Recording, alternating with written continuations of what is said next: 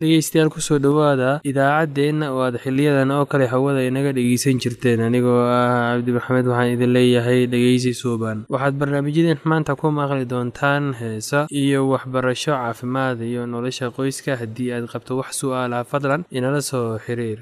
Ciwaankeenna waa radio somaly at yahu dt com. Mar labaad ciwaankeenna waa radio somaly at yahu dt com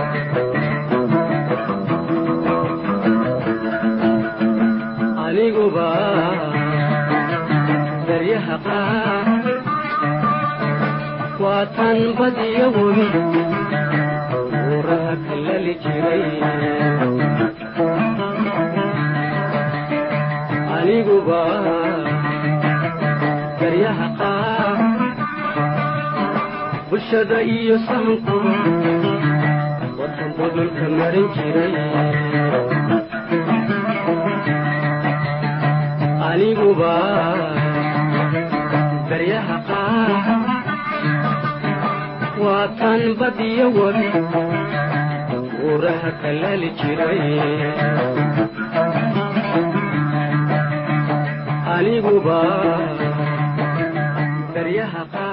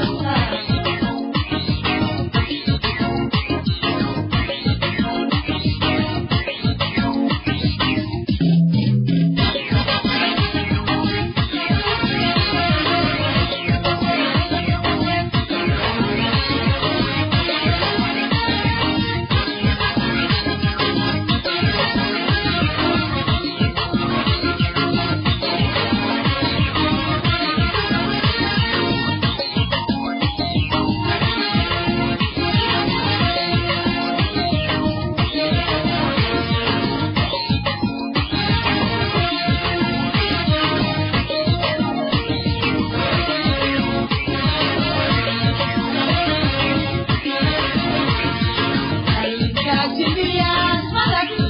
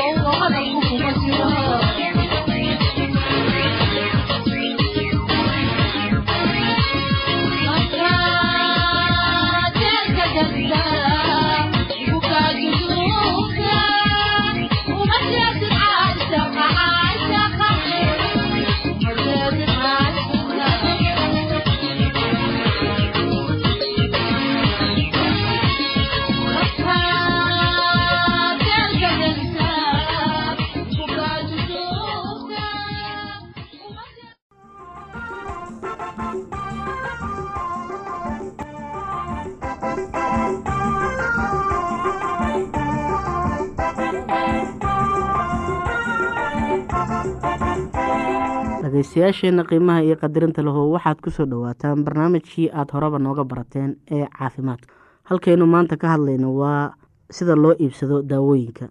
Daawooyinka badidooda waxaa laga soo iibsadaa waxaa laga soo iibsan karaa farmashiyayaasha magaalooyinka waaweyn. Haddii dhowr qoys ay soo iibsadaan waxay doonayaan mar keli ah.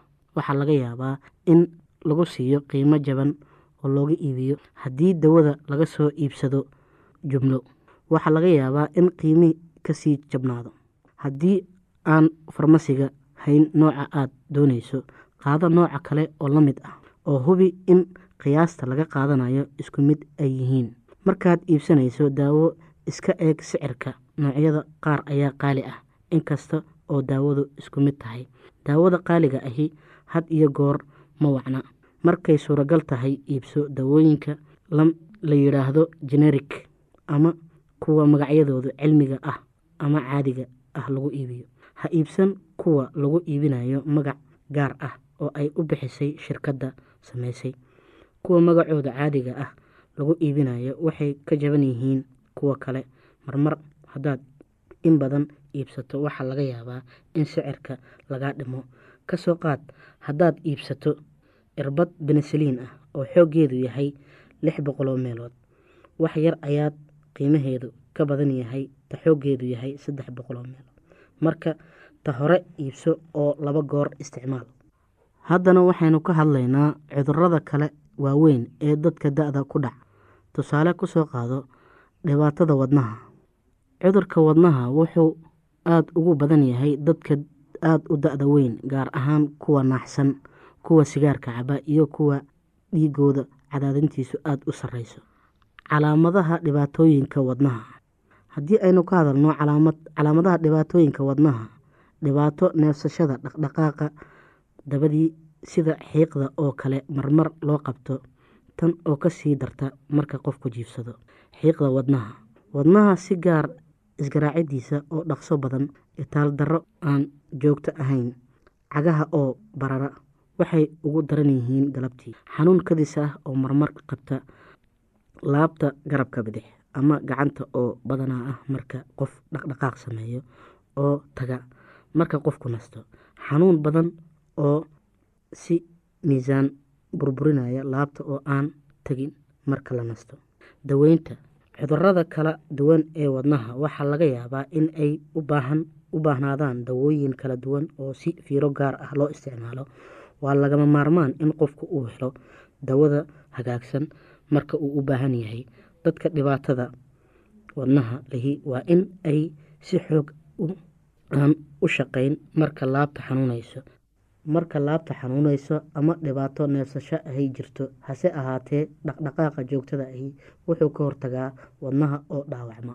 Haddii aynu ka hadalno cagaha barara tan waxaa keeni karaa cuduro badan hase ahaatee teeda ta dadka da-da ahi waxaa inta badani u keena wareega dhiigga oo xun ama dhibaato wadnaha ah. Wax kastaba sababtu ha ahaato. Daaweynta wacani waa in cagaha sare loo qaado. Socodka qodhiisa wax buu u taraa. Hase ahaatee iska ilaali inaad in badan taagnaato ama fadhido cagaha oo hoos u laadlaada. Cagaha sare u qaad markay suuragal tahayba. Boogo aan bogsanayn. Kuwani waxaa laga yaabaa inay ka yimaadaan dhiigga wareegiisa oo xun ama inta badan xididada oo barara. Marmar ka adka kaadi macaan ayaa u sabab ah boogaha ka yimaada dhiigga wareegiisa oo xun muddo dheer ayay qaadataa bogsashadoodu. Boogaha haddii si nadiif ah loo daweeyo ku maydh biyo la karkariyey iyo saabuun bandhajka mar walba ka bedel haddii calaamadihii uu bukaanka ka muuqdaan. U dawee sida lagu sheegay markaad fadhido ama aada huruddo cagaha sare u qaad kaadida dhibaatada ah. Ragga waaweyn ee kaadida dhibaatada u keena waxaa laga yaabaa kaadidooda waxay u dhowdahay in xididka kaadida oo xididka kaadida haysta oo ballaadha. Dhageystayaasheena qiimaha iyo qadarinta lahu halkaa waxaa noogu dhammaaday barnaamijkii caafimaadka. Waa shiina oo idinleh caafimaad wacan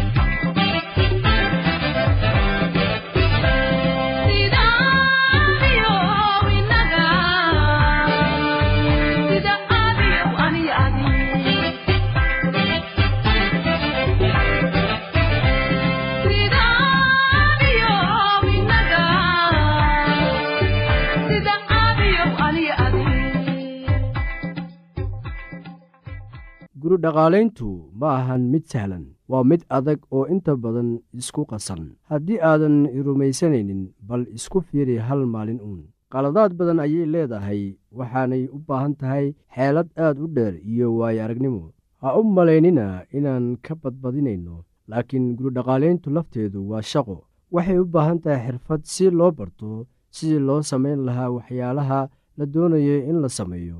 Waxay u baahan tahay in lala yimaado damaca in howlahaasi la fuliyo. Waa inaad guri dhaqaalaynta u wajahdaa isla sida aad shaqada u wajahdo. Xagga shaqadaada waxaad u baahan tahay tababar wanaagsan iyo waayo aragnimo marka waa inaad xil iska saartaa sida aad shaqadaada u socodsiin lahayd ama gurigaaga aad u dhaqaalayn lahayd.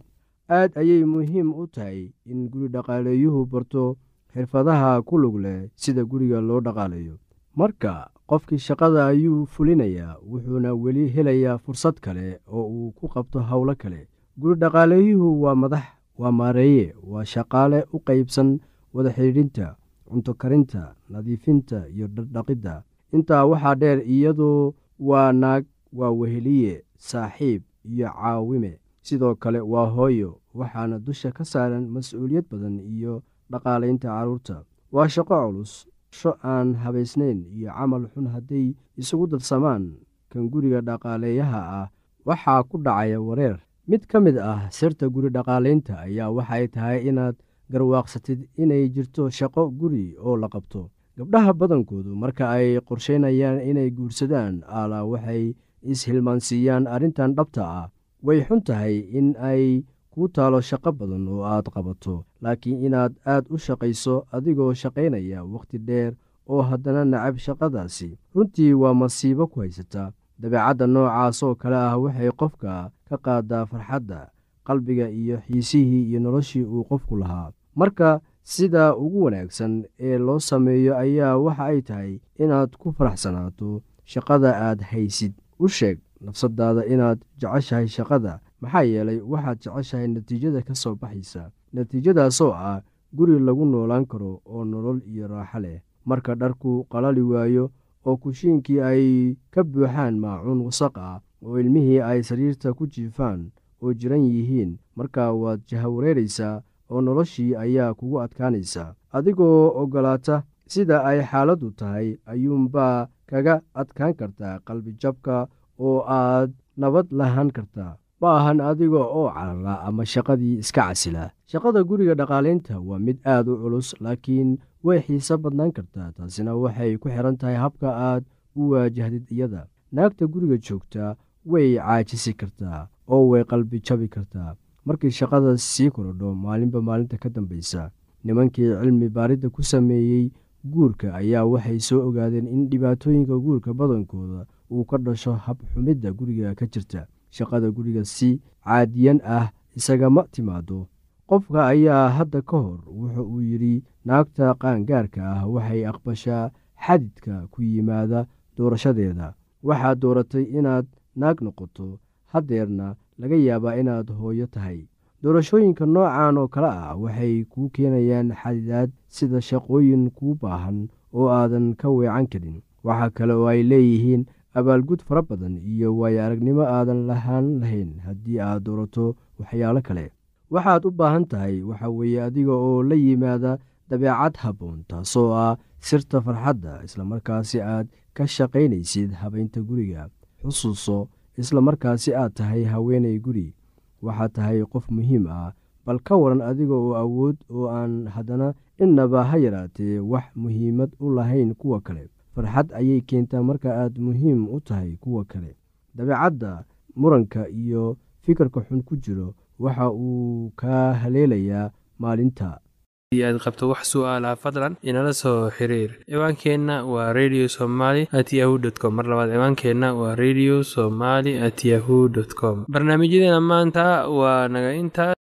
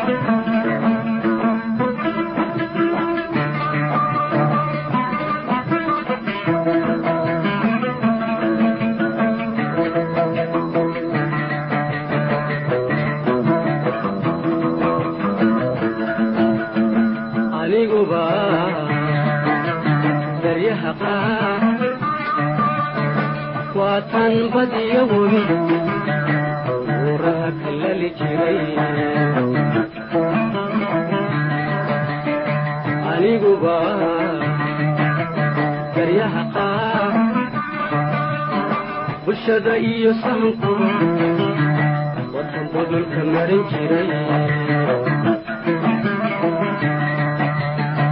aniguba daryaha qaar waa tan badiyo webi buuraha kalali jiray aniguba daryaha qaar shadayo sahanku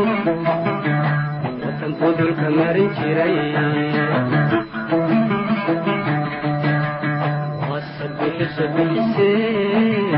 cashaqan biyo un kaba jaray aligoo buseele